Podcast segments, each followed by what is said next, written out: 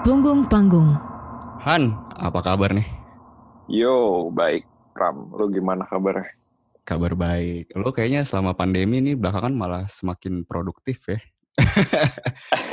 Kayak Iya, cari yang bisa dikerjain aja. Nah itu tuh project lu kan anjir gue ngeliatnya lu malah malah makin banyak gitu sama Priscilla sama Iya. Marshalls juga rilis single ya baru Iya, iya, iya. terus di Modern juga lu ada ya lomba sihir udah pasti itu lo sengaja aja udah ya keluarin aja deh semua gitu atau ada concern lain kayak karena nggak ada panggungan kan gitu Iya, iya. Gue gue merasa gue one of the few uh, privileged uh, musician sih yang bisa tetap produktif ya, mungkin secara karya gitu. Dan gue bersyukur atas hal itu gitu. Dan ya itu satu-satunya hal yang bisa gue lakuin di saat-saat seperti ini. Tapi kan kalau gue pribadi sih gue makin lama udah semakin jenuh gitu ya. Kayaknya apa pun yang kita lakukan tuh kayak anjing ini bener gak sih? Ini kayak anjing kayak overthinking gitu makin kayak aduh apaan sih ini kayak bener gak ya yang gue lakuin. Lo malah tapi gue ngeliat lo energinya kayak anjir ini si Rehan ngerilis sesuatu mulu anjir ngapain mulu gitu kayak Iya, karena gue sih mungkin ya, mungkin dasarnya gue ada gue adalah orang yang nggak pernah batasin gue harus dengerin apa atau harus suka apa gitu. Gue nggak gue nggak merasa punya boundaries at all dan pada akhirnya when it comes to uh, music making, gue juga merasa nggak punya boundaries apa pun gitu. Jadi gue nggak nggak pernah merasa yang kayak oh project lu kebanyakan gitu. Ya enggak, emang gue doing this for a living yang apa pun nih gue sikat aja. Tapi sebenarnya lo dari keluarga tuh ini gak sih musik banget gak sih musikal gak sih keluarga lo? Nggak ada. Serius lo? Uh, serius. Keluarga gue semuanya um, apa ya di pendidikan yang formal biasa sih. Gue pun juga sebenarnya on course ke sana, cuman gue memutuskan untuk tidak mengambil jalur itu gitu karena kayaknya apa ya interest dan excitement gue di musik udah terlalu kuat aja sih. Lo ketemu musik kapan tuh? Kayak turning point-nya kayak anjing ini, nah ini nih gue nih di sini gitu. Jadi sebenarnya dua kali gue Pram. Oh. Jadi waktu gue belajar musik dari kecil dari kelas 4 SD ya maksudnya nggak belajar secara formal ya gue formal cuma beberapa tahun doang tapi gue mencoba mendalami gitar pada khususnya gitu Terus habis itu gue ngeband serius waktu gue SMA waktu itu lagi pada era-eranya pop jazz gitu Hmm. Eh, siapa ya waktu itu pioneer Male, Kerang Malik dan ya? segala macem Hmm. Eh, terus habis itu gue alhamdulillah sempat punya satu project yang cukup serius dan sering manggung di pensi-pensi kota-kota oke lah gitu. Cuman waktu itu gue harus cabut karena ada masalah klasik lah. Band-band kebelet eh, kebelet pengen punya album gitu. Jadi kayak gue kayak nggak cocok deh eh, ada di sana. Terus habis itu gue akhirnya cabut. Tapi itu lumayan bikin gue trauma trauma sih gitu loh. Karena anjir ternyata ngeband doang tuh nggak cukup ya. Ternyata lo harus berurusan dengan berbagai pihak yang ternyata banyak ke nggak cocokannya sama gua. Akhirnya habis itu gua berhenti main musik eh, total nggak nggak megang nggak nggak dengerin nggak update apa pun gitu selama 4 sampai lima tahun karena habis itu gua kuliah di kedokteran gigi. Tapi di tengah-tengah gua kuliah kedokteran gigi pas gua udah pendidikan profesi gua kayak ngelihat surroundings gua kok bergairah lagi ya gitu. Em, waktu itu Siapa aja tuh surroundings lo? iya eh, ada bara suara waktu itu ada Elephant Kind ada siapa lagi ya Kap KPR. itu KPR Scholar dan segala macam itu gue hmm, oh kayaknya nih gue eh, gue punya gut feeling yang kuat. Oh kalau misalkan gue ikut arus ini kayaknya gue bisa ini bisa jadi sesuatu deh sesuatu yang gue pengenin sejak lama. Akhirnya mulailah terbangun pelan-pelan. Waktu itu via gelas kaca. Hmm. gue gue bikin bareng kawan-kawan gue eh ternyata ya destiny-nya ternyata di situ gitu jadi sebenarnya dua kali gue apa ya yang kalau lo bilang tadi turning point ya dua kali itu pas Oh. SMA sama pas kuliah Tapi kan kayak take guts juga ya lo dari kedokteran yang mungkin Ya. secara apa ya environment lebih menjamin ke musik yang hutan belantara banget kan sebenarnya. kayak Iya, lo iya, iya. Akhirnya balik lagi ke sana gitu ya dan gue nggak tahu apa ketika lo pas di kedokteran itu memang masih ada kayak sparksnya yang anjing masih ada sisa nih sebenarnya yang belum finish gitu. gue baru gue baru menyadari itu pas gue ngelihat wave itu sih yaitu baru Hmm. suara uh, Elven Kain dan kawan-kawan gitu gue gue merasa wah iya ya ternyata masih ada tuh interest gue dan tadi sparksnya tuh masih ada di situ gitu. Em, kalau ngomongin soal uh, gue lompat jalur gitu sebenarnya nggak bisa di nggak bisa bohong juga bahwa gue deg-degan juga sih pada saat itu. Gue deg-degan banget gitu. Ini tuh em, apa ya logis nggak ya gue gue melakukan ini gitu. Karena kalau dilihat dari segala sisi waktu itu tuh nggak sama sekali nggak logis sama sekali gitu loh. Kayak kalau misalkan dilihat dari eh, proses pendidikan gue tuh sisanya berapa lama lagi dibanding resiko yang gue ambil tuh nggak sebanding sama sekali gitu.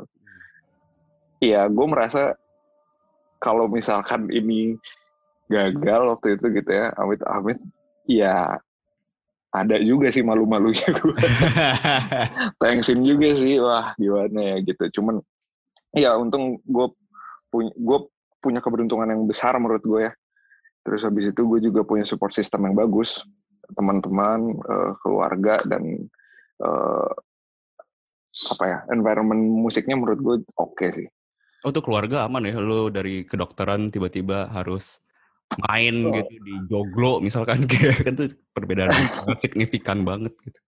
Em, awal-awalnya enggak sih Oh, awal uh, waktu eh, wa- waktu gue mau mengambil keputusan besar ini awalnya nggak fine gitu loh. Cuman untungnya keluarga gue keluarga inti gue itu adalah orang-orang yang cukup fair gitu ya. Eh, pada saat itu kayak eh, kalau misalkan lo memang lo mau ngambil keputusan ya lo tanggung jawab gitu. Dan sekali lo ngambil keputusan jangan lihat lagi ke belakang. Lo tanggung jawab lah sama apa yang lo putusin gitu untungnya untungnya gue punya chance itu gitu kan itu itu kan chance yang nggak didapatkan sama banyak orang kan Mahal kan tuh. yang yang betul maksud gue kalau misalnya orang-orang yang emang pengen ada di musik gitu itu tuh yang nggak yang jarang banget gitu loh kepercayaan itu tuh that Hmm. one chance gitu loh iya benar-benar. menurut gue Nah kalau gitar gimana Han? Maksud gue, lo kan, wah udah, gue pribadi sih ngeliat lo udah lekat banget sama gitar gitu. Eh, gitar bass producer banget gitu di era sekarang gitu ya. Nanti mau gue bahas juga sih ini. Tapi Iya, iya. eh, lo kecintaan lo sama gitar dari mana Han? kecintaan gue awalnya dari sebuah iklan susu gue ingat waktu itu Milo waktu gue kelas 4 SD 4 Lo SD, SD gue enak banget tuh. Wah gitu. Yuk. gue gue itu gue kelas 4 SD berarti tahun berapa ya? Mungkin tahun 2003, Hmm. 2003 2004 mungkin ya. Hmm. Gue ngelihat ada ada ada iklan nih dia main gitar gitu. Terus habis itu gue inget lagunya keren banget. Eh, terus gue nanya kayak yang almarhum yang gue waktu itu kayak "Eh, yang eh, itu gitar ya gitu. Eh, pengen deh cobain main gitar gitu. Nah, yang gue ini sangat suportif terhadap cucu-cucunya gitu. Eh, oh ya udah kalau misalkan mau ya, yang beli ini gitu. Ada nih yang temennya Eyang tuh yang punya Yamaha eh, toko Yamaha musik gitu di Purwokerto. Hmm. Eh, ya udah gue dibeliin gitar akustik lah itu. Nah mulai dari situ ya udah gue gue memulai mentranslate ke tertarikan dan excitement gue terhadap musik via gitar gitu. Akhirnya gue ngulik eh, Laruku, Blink, apalagi waktu itu ya. 41, segala sampai Limp Bizkit pun gue juga kayak, wah seru sih nih gue me, apa kayak menikmati dua kutub atau bahkan sekian kutub yang jauh berbeda via gitar gitu. Jadi Hmm. kayaknya sebenarnya gitar tuh kayak transportasi utama gue sih sebenarnya di musiknya. Nah, jadi entry point ke berbagai ini ya, Bener bener. area ya. Heeh, heeh. Oke, soalnya gue ngeliat lo tuh di apalagi di belakangan ini ya, lu kan project lagi banyak banget nih, tapi in a way lu masih put ego lu sebagai gitaris in a good way ya, masih ada Iya iya. iya. Raihan Nur sebagai gitaris gitu di Iya. dua, di proyekan nama Priscilla aja masih ada Kayak solo gitar part, bass iya, Iya, solo part yang gue waktu itu sempat tanya juga buat press eh buat press con buat press release segala macem. Iya iya. di Modern juga lu masih ada gitu kayak Iya iya. gue itu ego yang gimana ya gue ngeliatnya lumayan kontradiktif dengan environment sekarang kan sebenarnya. Tapi lu masih Iya, kekeh gitu kayak ya ini gue masih mau kayak gini gitu. Lo apalagi ini bukan project lo sendiri kan maksud gue kayak sama Priscilla atau sama Modern atau sama Lomba Sihir atau sama Marshalls gitu daya iya. tawar lu ke mereka gimana Han maksudnya meyakinkan mereka ini butuh ada gitarnya gitu ketika trennya sekarang anjir udah beda banget kali ya Eh, maksudnya ke mereka tuh ke, ke kolaborator-kolaborator. iya iya Hmm, gue nggak pernah, gue nggak pernah yang meyakinkan secara berlebihan sih ya. Atau mungkin karena musik gue juga semuanya gitar bass gitu. Hmm.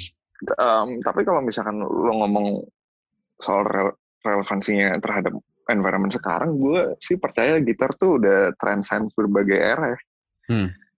Kayak dari musik apa pun yang gitarless gitu, era-era musik yang gitarless tuh ada aja gitu loh. Tiba-tiba, oh ini bisa dimasukin gitar nih, ini bisa dimasukin gitar gitu. Jadi kayak gue rasa itu nggak nggak bukan menjadi penghalang yang serius ya.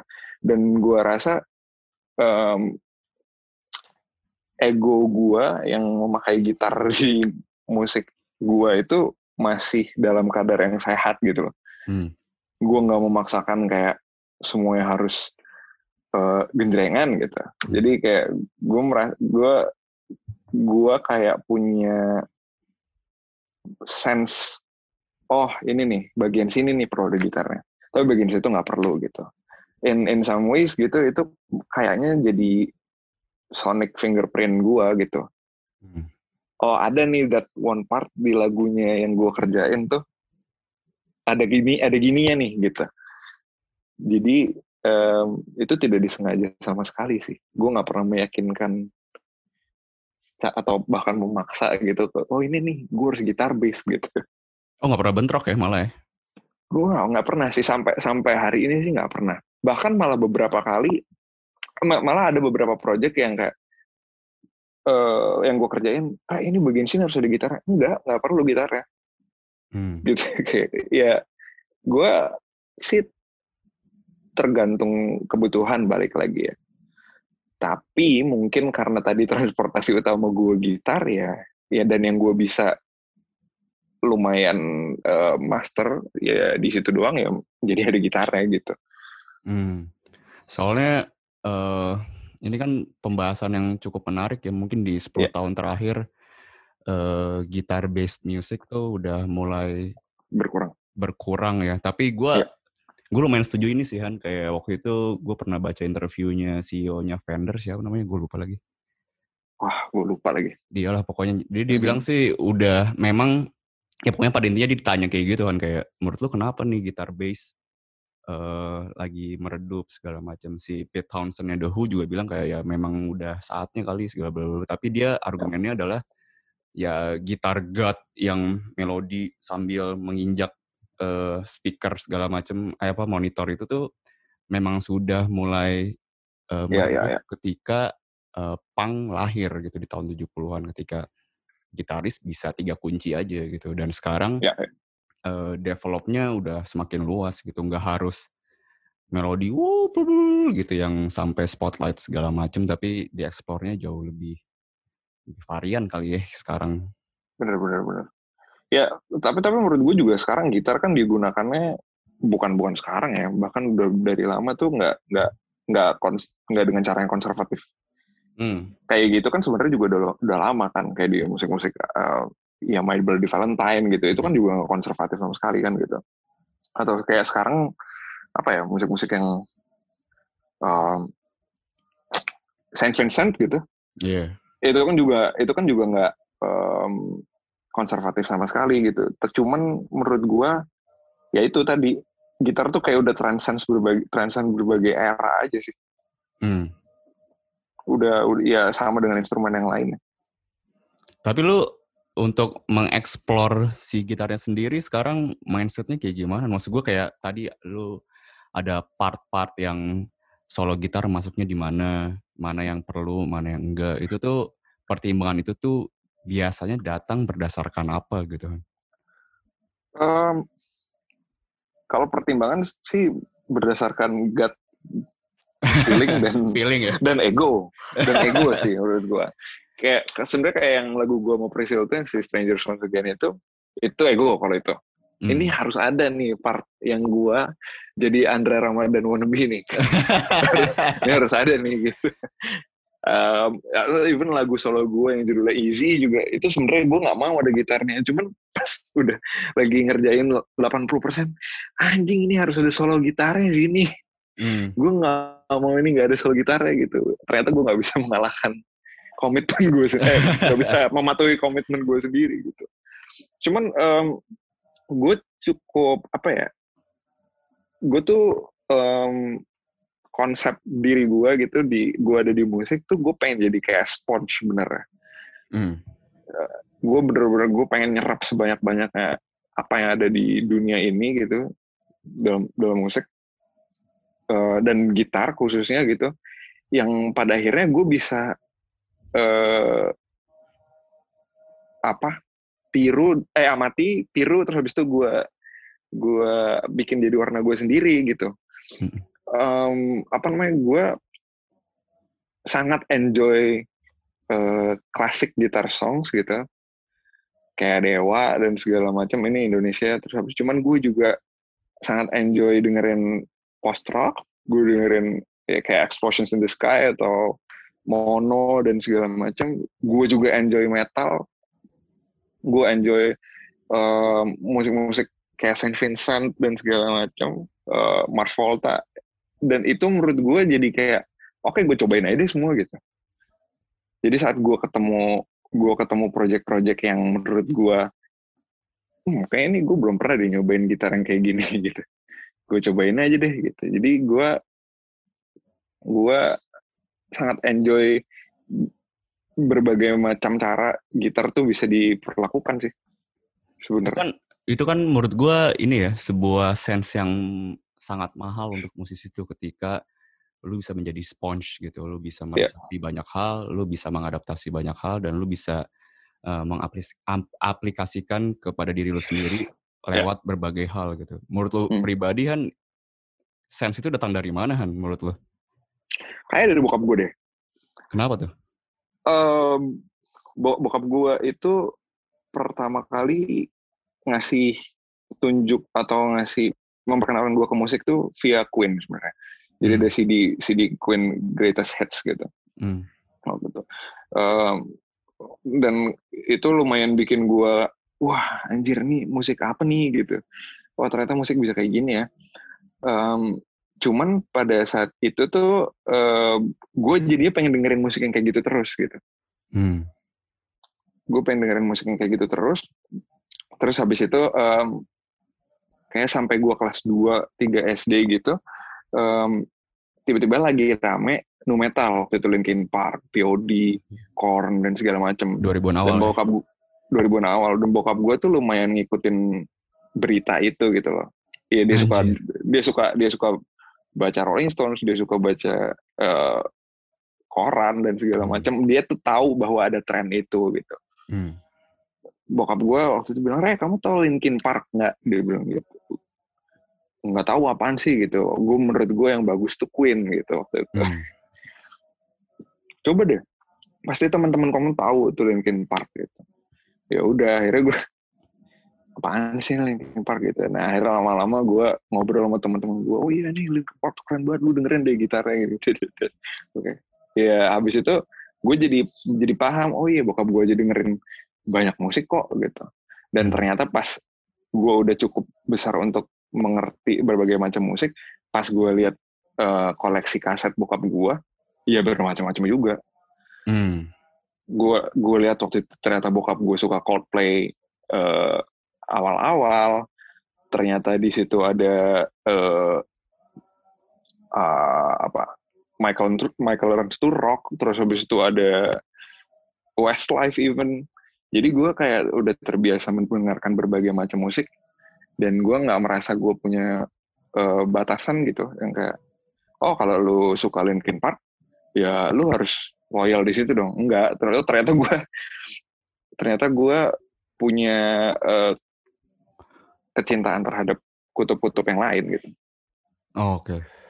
nah mungkin tantangannya sebenarnya di ini kali ya ketika lu sudah meresapi itu semua bagaimana hmm. lu memposisikan di project project lo gitu kayak mungkin yeah. contohnya yang sama presale gitu mungkin banyak orang yang uh, tahu Rehan Nur sebelum uh, proyekan sama Priscil kan yang gitar bass rock gitu kan. Terus tiba-tiba kayak yeah, wah, yeah. tiba-tiba jadi pop gini gitu. Lu itu awalnya gimana lu bisa proyekan sama Priscil tuh?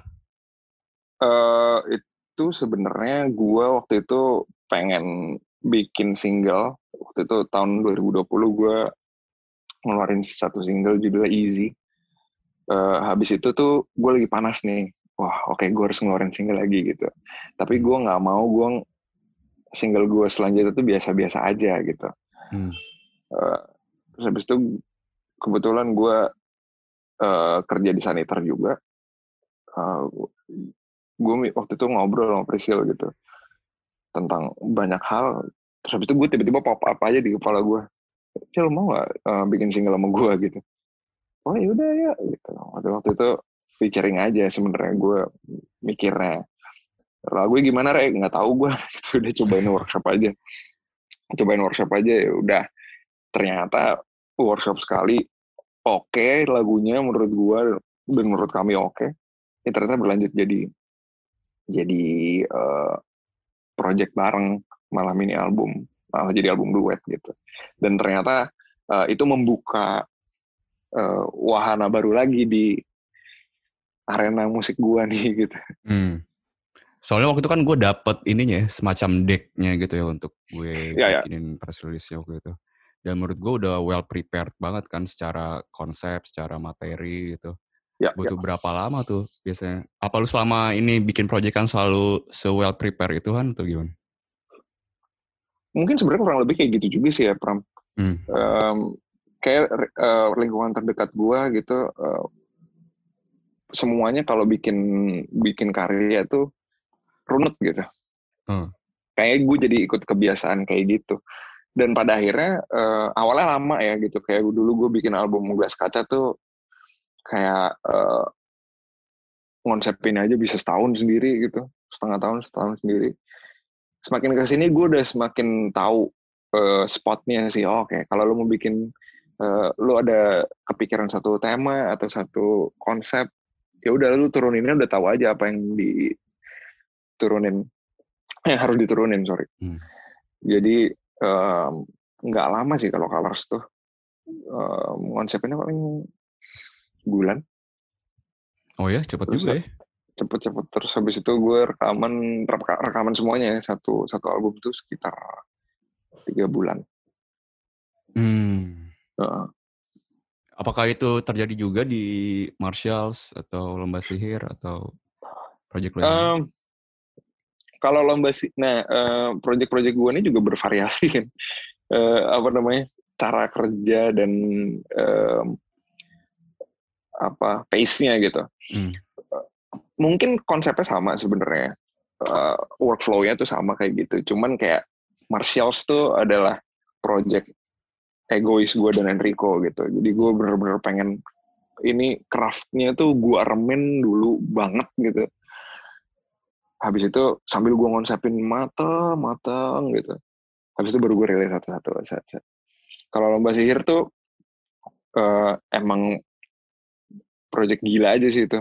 Emang orang-orangnya juga gila-gila juga dalamnya. Jadi uh, masaknya tuh lebih cepat lagi gitu. Hmm. itu sih. Kalau gelas kaca ya itu beda meter lagi. By the way nih mungkin orang-orang bertanya nih gelas kaca ke mana nih Han gas kaca tuh gas kaca tuh gue bisa bilang band yang nggak bisa nggak bisa dibilang disfungsional juga sih tapi ya nggak aktif aja sih mungkin bahasa gampangnya. Karena ya ya in the middle of the road gitu. Um, kita punya jalan masing-masing berbeda aja sih gitu. Hmm. Tapi itu tapi bukan tanpa usaha ya kita mencoba menyatukan itu semua gitu karena tahun lalu kan sebenarnya awal tahun kita sempat bikin single kita ngeluarin single dua Yeah. Dan kita dan kita uh, sebenarnya juga in the middle of bikin album juga dan sekarang sebenarnya albumnya udah ada gitu. Cuman nggak kita rilis-rilis aja karena emang ya ternyata nggak meant to be aja. Ya mungkin suatu suatu hari sih akan dirilis albumnya. Tapi gue nggak tahu itu masih relevan apa enggak tuh ntar. Nah itu tuh menurut gue menarik sih karena tadi lu sempat ngebahas tentang proses bekerja lo dalam memproduksi sebuah musik. Kan menurut gue tuh lo uh, rapih, teratur dan hmm.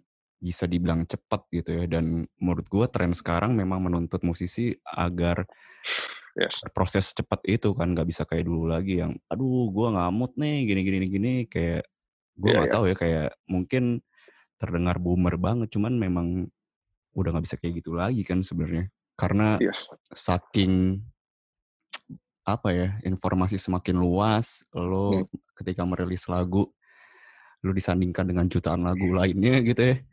Yes. Kan si si CEO-nya Spotify malah menuntut, ayo dong musisinya rilis lebih banyak anjing. Iya, yeah, dia yang kaya sendiri. Iya anjing, gue bukan musisi aja kesel bacanya kayak.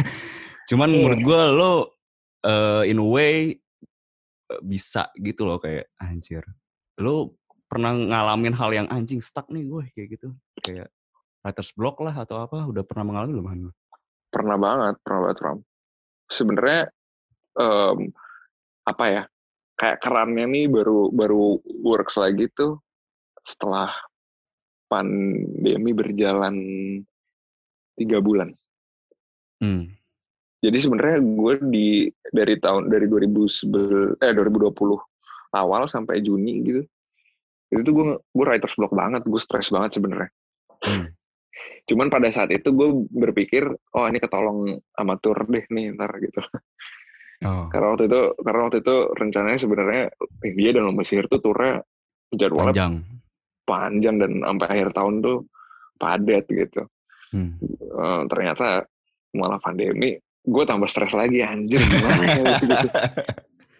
udah udah nggak bisa tur terus habis itu uh, gue stres juga di rumah kan gue mikir wah gimana nih masa depan gue gitu terus cuman ternyata ya seperti proses berkesenian lainnya dan mungkin dialami banyak orang juga ya gue mungkin harus melewati writers block itu gitu gue nggak bisa nulis lagu lama banget itu hmm.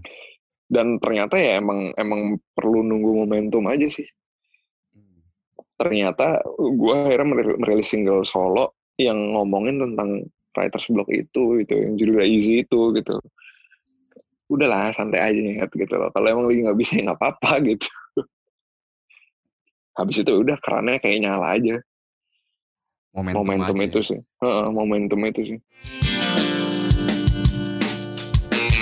Halo, terima kasih kalian masih mendengarkan punggung panggung dari Agorde Club. Jika kalian menyukai siniar ini atau apa pun yang Agorde Club lakukan, dan berharap ini berkelanjutan, silahkan kunjungi laman Agordi Club di situs saweria.com atau karyakarsa.com untuk beri dukungan berupa donasi. Kalian bisa langsung klik link di bio Agordi Club. Dukungan kalian sangat berarti. Iya, soalnya anjir itu waktu tahun lalu Hindia dan Lomba Sihir lagi tour ya. Wah, itu Gak lama terus pandemi ya anjir. Itu sempat terpukul sih gue itu ya ya semua sih gue yakin yeah. ya. Iya, karena yeah, nggak tahu ya gue perasaannya tuh kayak anjir lihat nih bentar lagi take off nih gitu biar gitu. Ya Allah. Gue ya banyak banyak yang stres sih pasti. Iya yeah. Tapi kan lu rilis rilis single juga eh maksudnya rilis rilis karya bareng beberapa project juga nggak bisa take off juga kan sebenarnya sekarang gitu lo iya kayak kayak Marshall tuh band yeah. hoki tuh gue bener-bener itu Berapa kali manggung ya? Hitungan jari lah. ya. satu satu cuman cuman waktu itu sebenarnya udah ada plan beberapa manggung ya cuman kepotong gara-gara pandemi gue tuh rilis single Martials tuh bener-bener seminggu sebelum semua event dibatalin. Anjir. Baru sebelum semua event dibatalin. Terus habis itu single yang kedua itu gua rilis bener-bener di minggu PSBB kedua mulai. Gue ya anjir. Ini band kenapa ya gitu. Ternyata gue mikir gue sama Enrico mungkin gue jadi mikir sama Ico kayak ya udah ini emang kita mesti master our craft dulu aja sini Hmm. Sekarang kan si pandemi ini seakan-akan menuntut musisi untuk eh, lebih fluent di digital presence ya. Han, menurut Yes, gue lo Hmm. dan teman-teman saniter adalah salah satu yang terbaik lah di digital presence. Tapi kalau dari kacamata lo sebagai produser juga, yang crafting musik juga, gimana cara eh, melawan itu gitu? Maksud gue, ini kan ada ego musisi sama dalam tanda kutip ego jualan lah gitu ya, ego marketing. ya, ya. gitu ya. Lo Hmm. untuk menyatukan dua hal itu gimana? Han? Hmm, pertanyaannya tricky ya sebenarnya. Gue sebenarnya di di eh, deep in my heart juga. Itu gue juga sebenarnya nggak peduli peduli banget Pram. Hmm.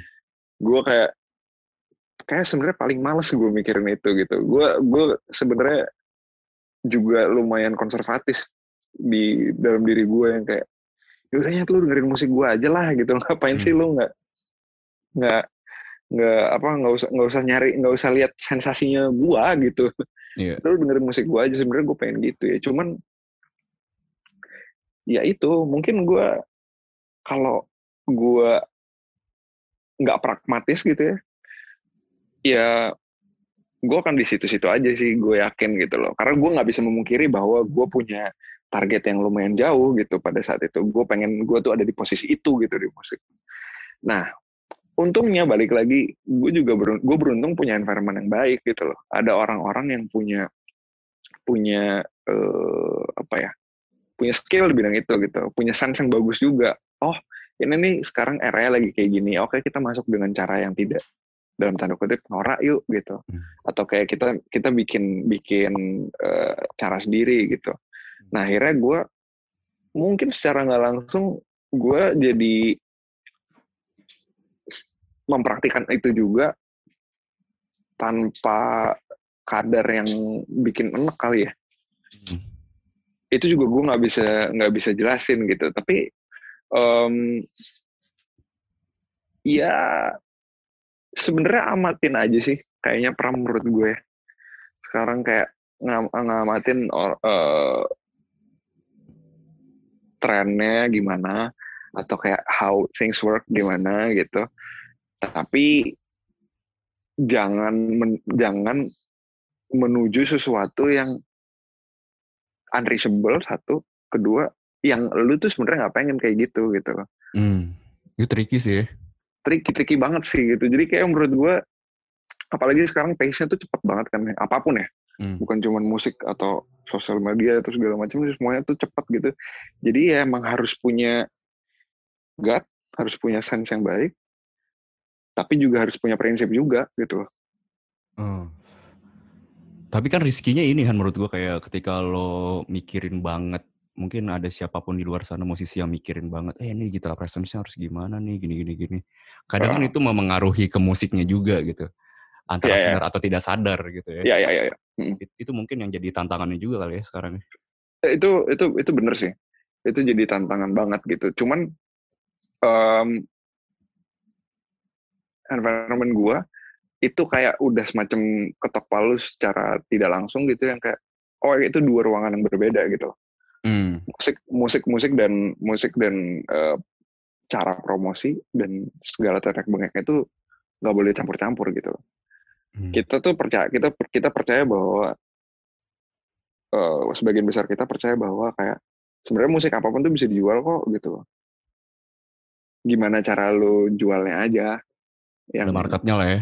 Mm-mm, ya kayak sebenarnya kalau misalnya lu pikir lu bedah tuh album lomba sihir sebenarnya banyak banget yang tidak sesuai dalam tanda kutip selera pasar gitu. Hmm. pada saat ini gitu cuman in some ways gue bersyukur punya Udu gitu Hmm. atau Baskara atau even eh, teman-teman sanitar yang lain yang punya sense oh ini bisa kok gitu coba aja nih caranya gini nih gitu dan ternyata eh, berhasil gitu Hmm. Ini menarik banget ya environment si Saniter yang terbuka untuk tidak mengotori atau menodai meja musisinya gitu ya. Dan lu di sana tuh eh Itu ya ANR gitu ya?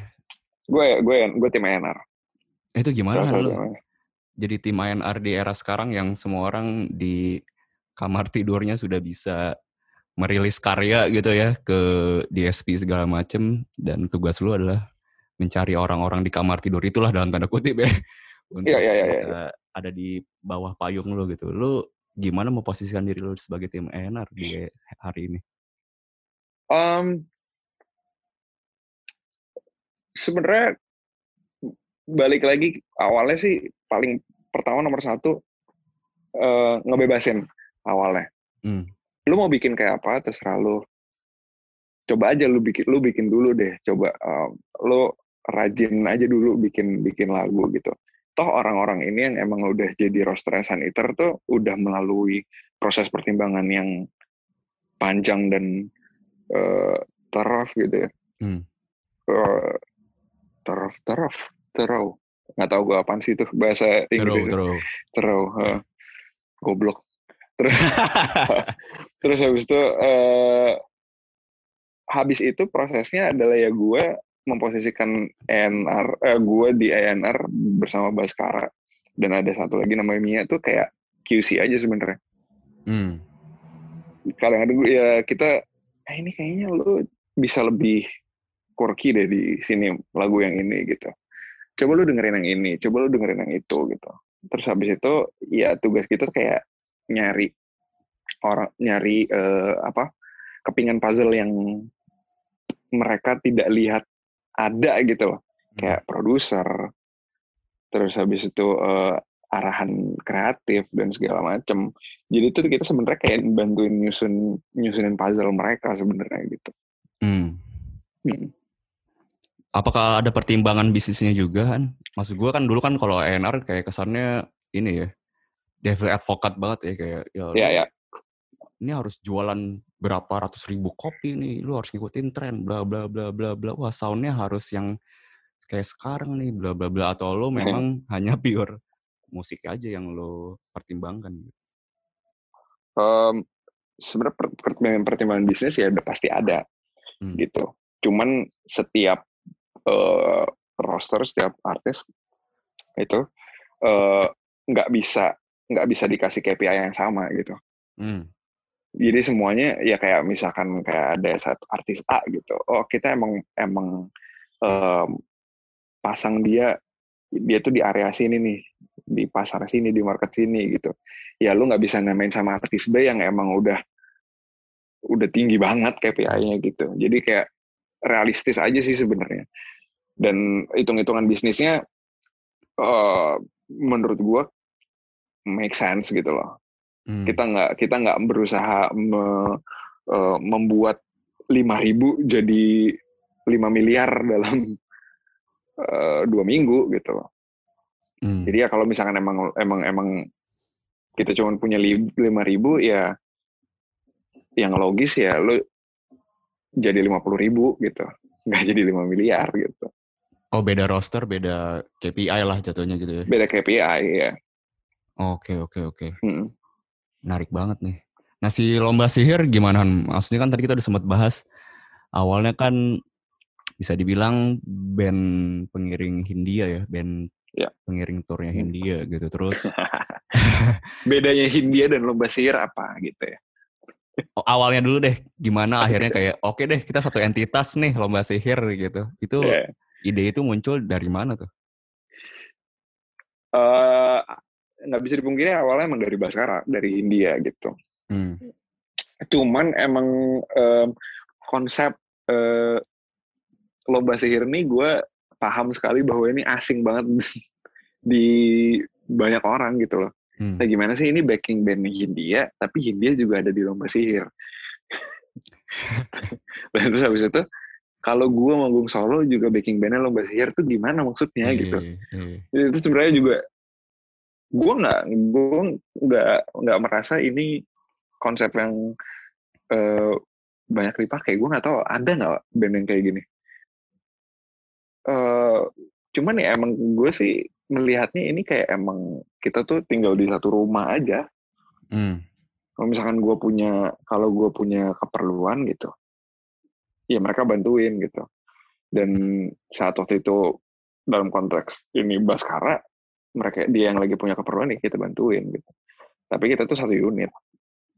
Nah, akhirnya memutuskan untuk oke nih, saatnya entitas lomba sihir mempunyai karya sendiri itu gimana tuh?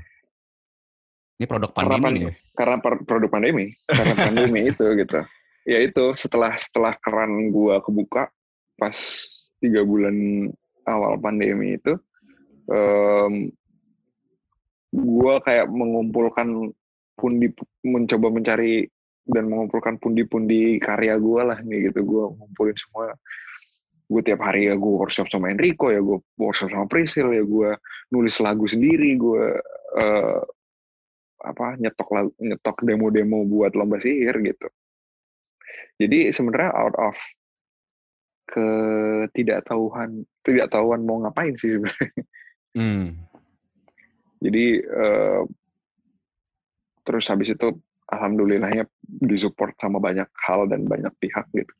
Ya udah akhirnya kita bikin deh tuh album.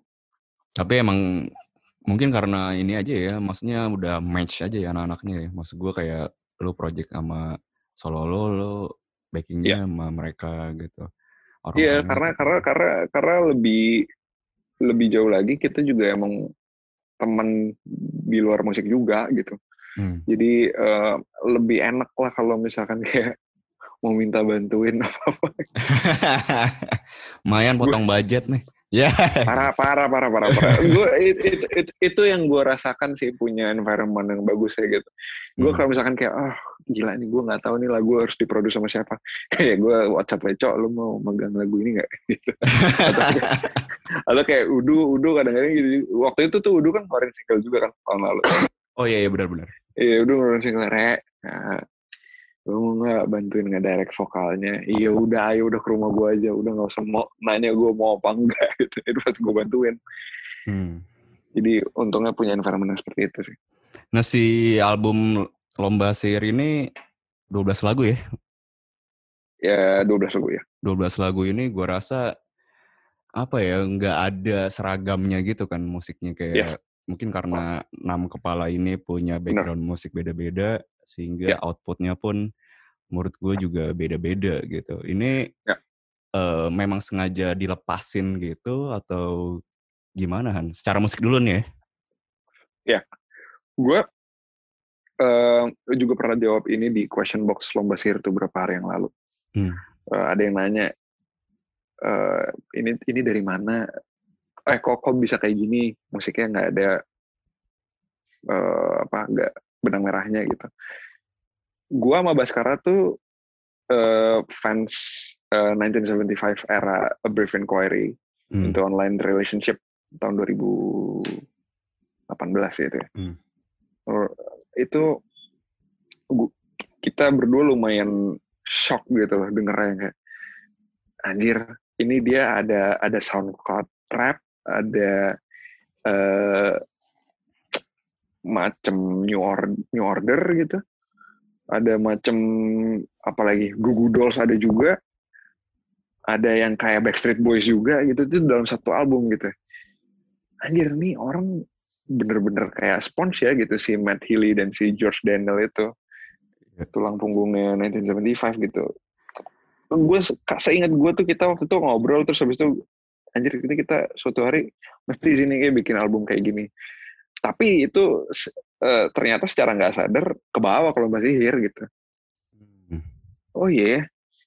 ngapain lu batasin kalau misalnya lu bikin album berenam yang emang semuanya udah beda-beda kepalanya dan ternyata kita juga dianugerahi capability untuk bermain bermain berbagai macam musik gitu ya udah Eh, gado-gadoin aja sekalian gitu Cuman tuh kadang jadi tricky juga gak sih Han? Maksud gue kayak mungkin banyak audiens yang gak seterbuka itu gitu sebagai penikmatnya yeah. gitu ya. Kayak uh. mungkin bisa gue ambil contoh yang paling gampang apa ya di sini uh, Brandals gitu misalkan dia kan pas di yeah, yeah. tiba-tiba jadi kayak mm. Primal Scream gitu itu aja yeah.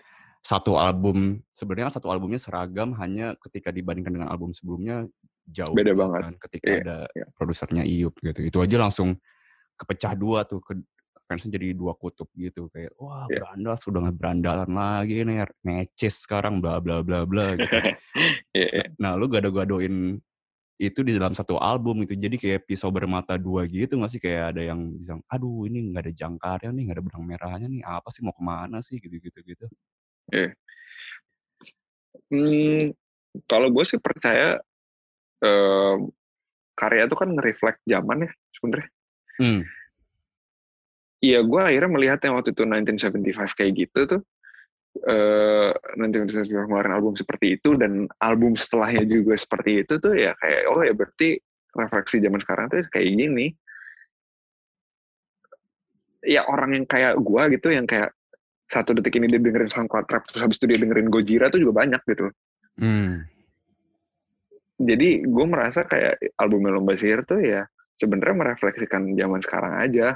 Kayak um, ini dunia udah bergerak terlalu cepat dan lu nggak bisa ngelihat satu hal doang sebenarnya gitu.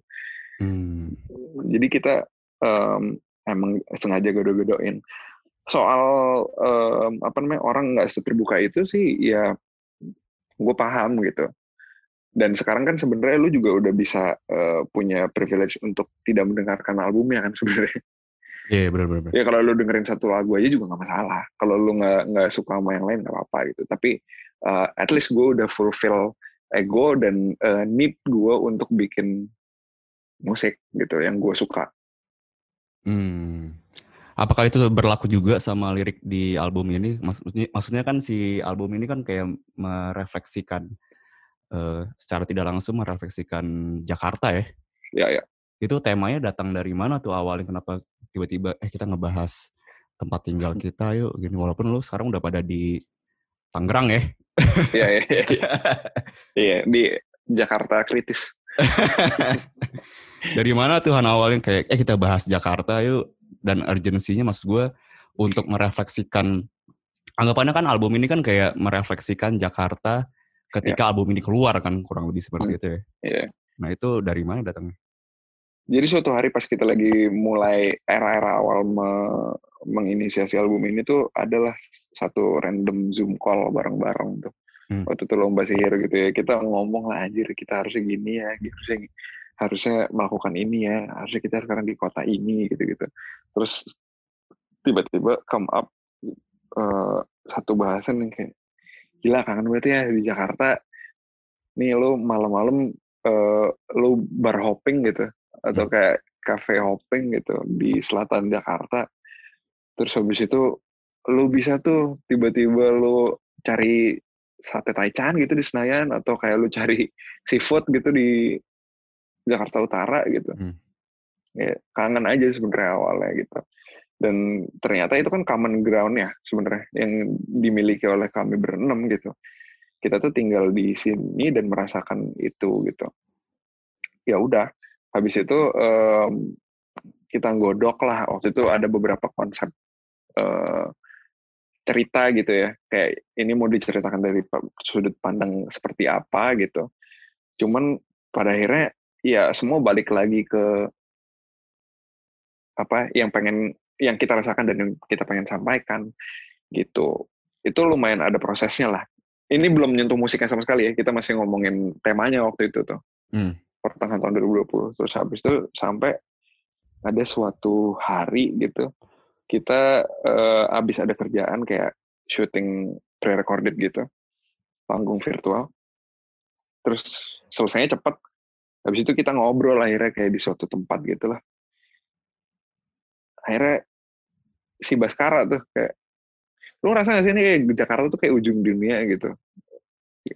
Uh, ini kayak jauh dan dekat sama berbagai tempat at the same time gitu. Oh iya ya, bener ya akhirnya ngobrol lah sambil minum dan segala macam gitu-gitu. Ya udah ujung dunia sih gitu. Selamat datang di ujung dunia.